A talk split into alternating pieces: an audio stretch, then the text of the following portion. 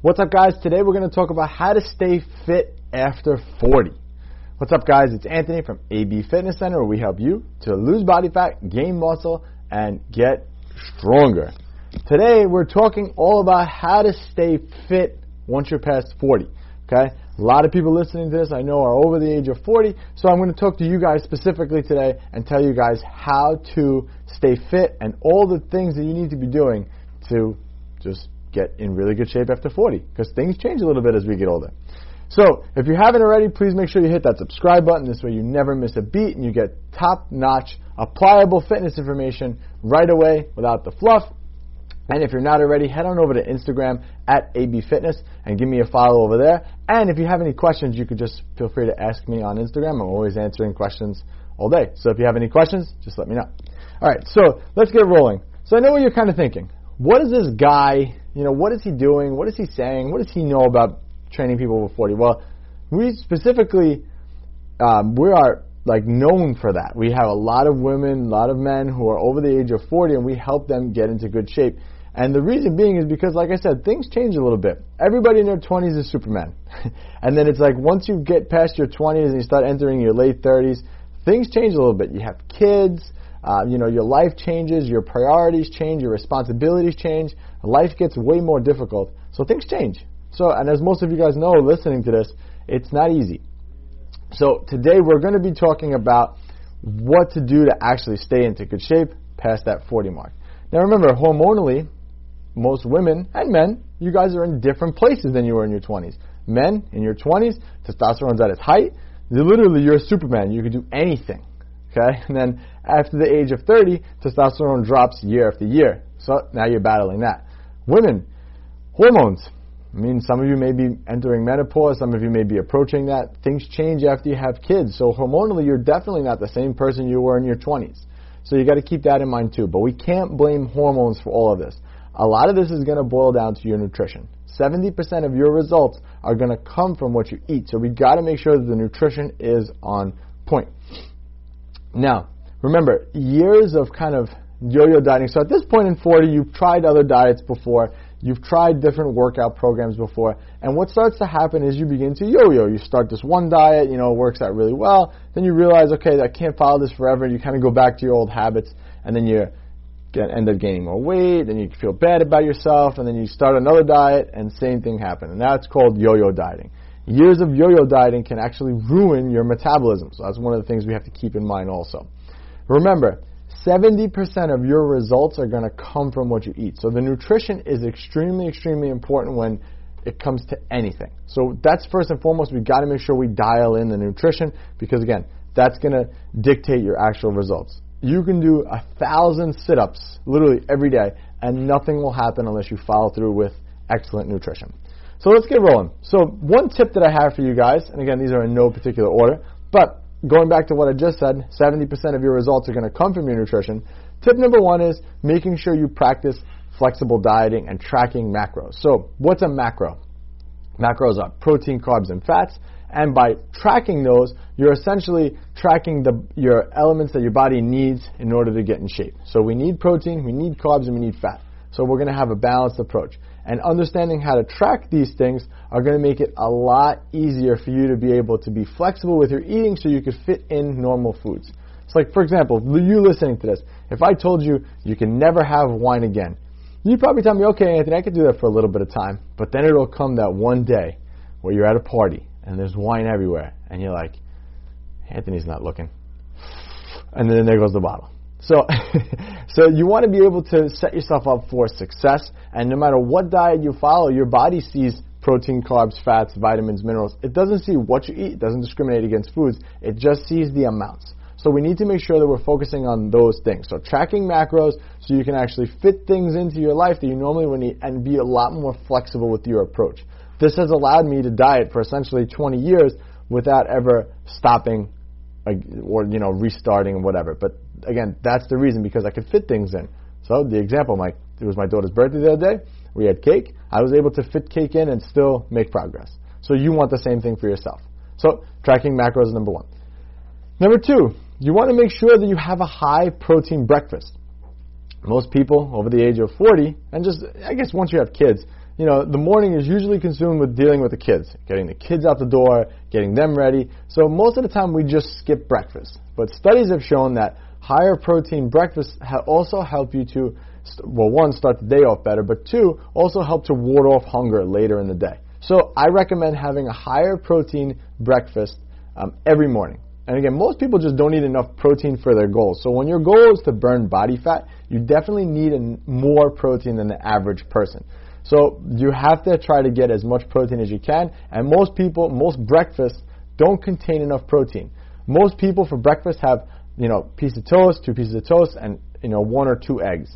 And one egg is seven grams of protein. So it's not really enough protein. I'm talking you probably need anywhere between again, depending on who's listening to this, but anywhere between 25 to 50 grams of protein for breakfast. So you want to try to have something like that. So I always prefer like a protein shake because it's quick and convenient and allows me to kind of get out the door with the kids. Um, but that's kind of like what I would recommend. But just the tip number two is basically getting a high protein breakfast. So whatever that means for you. If you don't like protein shakes, then you can have something else. But trying to get in more protein in the morning and a bigger dose of protein right away will help you to burn more fat throughout the day. All right, number three. Uh, number three, you're going to eat more fruits and vegetables. You want more voluminous foods, okay? So uh, that sounds like an obvious one. Like, obviously, I got to eat fruits and vegetables. Duh. But fruits and vegetables take up more room in your stomach and will allow you to be fuller throughout the day. So this is why fruits and vegetables are so important. In addition to obviously the other benefits like having a lot of fiber in them, having a lot of vitamins and minerals, but you know, the more fr- vegetables, specifically the more voluminous vegetables that you eat, the more fuller you're going to be. So, for example, a whole bag of spinach is probably like 10 grams of carbs, which is nothing. But think about how full you'll be from a whole bag of spinach. So I would recommend getting in as much fruits and vegetables as you can. Try to fit that into your diet. This way you're fuller, and the more fuller you are, the more likely you are to stick to it. Because if you start getting hungry, you start getting that little inkling in your stomach, more than likely you're not going to go in the refrigerator and grab the spinach. You're going to go in the cabinet and grab the cookies. So we got to be proactive with all this and make sure that we get those things in. All right. Number four, tip number four is you want to build more muscle. So muscle cells are designed to burn calories, and fat cells are designed to store calories. Okay. So you want to make sure that you're actually building more muscle. Okay, because muscle will be the only thing that will burn body fat. So you have to make sure that you're burning body fat and burning, have, giving your body the ability to burn more calories. Okay? So this is why building muscle is so important. How do you build muscle? You build it with higher protein. You build it with, um, you know, weight training. Weight training is obviously very, very important. And you want to make sure that you have those elements in there. So definitely doing things like squats, deadlifts, bench press. And I know what you're thinking. It's like, oh, I did squats when I was younger. And you're thinking of like, oh, this big weight. You know, it doesn't matter how much weight's in the bar as long as you're being progressive with that. All right. So number five, tip number five, I want you to be careful when you're eating out. Eating out is a huge, I don't want to say red flag because it's part of it and we have to do that, but eating out is extremely difficult to stay on course because even if you try to get something healthy, they load up those meals. So for example, having a salad at a restaurant is probably like 1100 calories, give or take the type of salad that you eat, because they use a lot of calorie dense things. So for example, some restaurants, they literally put butter on top of steak just to make it look shiny. And think about, you know, a pad of butter, like a, uh, one of those little squares of butter, is probably around 110 calories.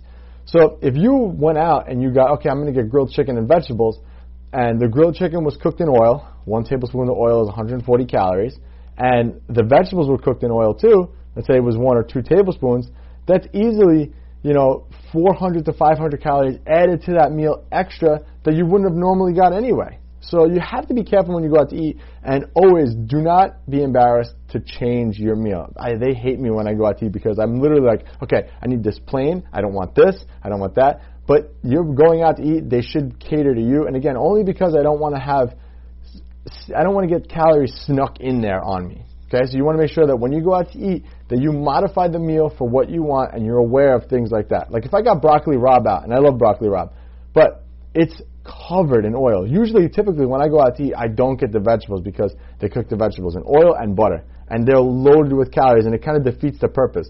You know, regular string beans, let's just say, should be about mm, maybe 50 calories But if you get them out, it's easily two, three hundred. So you want to avoid that. And number six is a habit tracker. Now I talked about this in another video, so I'll link that video somewhere here. But a habit tracker is vital for actually getting results because remember, in order to get results permanently and make every pound that you lose the last pound, you have to make sure that you build habits that last with you long term. And we build habits lasting long term through building these habits and having these reminders throughout the day. So a habit tracker on your phone is great. It's so important because it's kind of like it checks that box for you. So I found out about this through interviewing one of my clients who was successful, and she used the habit tracker, and I kind of like didn't believe it, but started using one, and man, do they work. So download a habit tracker. You can download anyone on your phone and plug in the things that you need to do. Maybe it's okay. I need to track my food in MyFitnessPal. I need to drink whatever, a gallon of water. I need to take 10,000 steps. And make sure that you check those boxes every day. And that will lead to long-term success. All right. So if you're interested in getting some coaching with me, you can head on over to my website. I'll put the link in the description below. And I will also drop a blueprint that I designed to help you get into really good shape. So you can click that blueprint, get that, and you'll see it's all laid out on what exactly you need to do to get results. All right, guys. I will catch you on the next one, and don't forget to drop me one of these likes, okay? Thanks. Bye.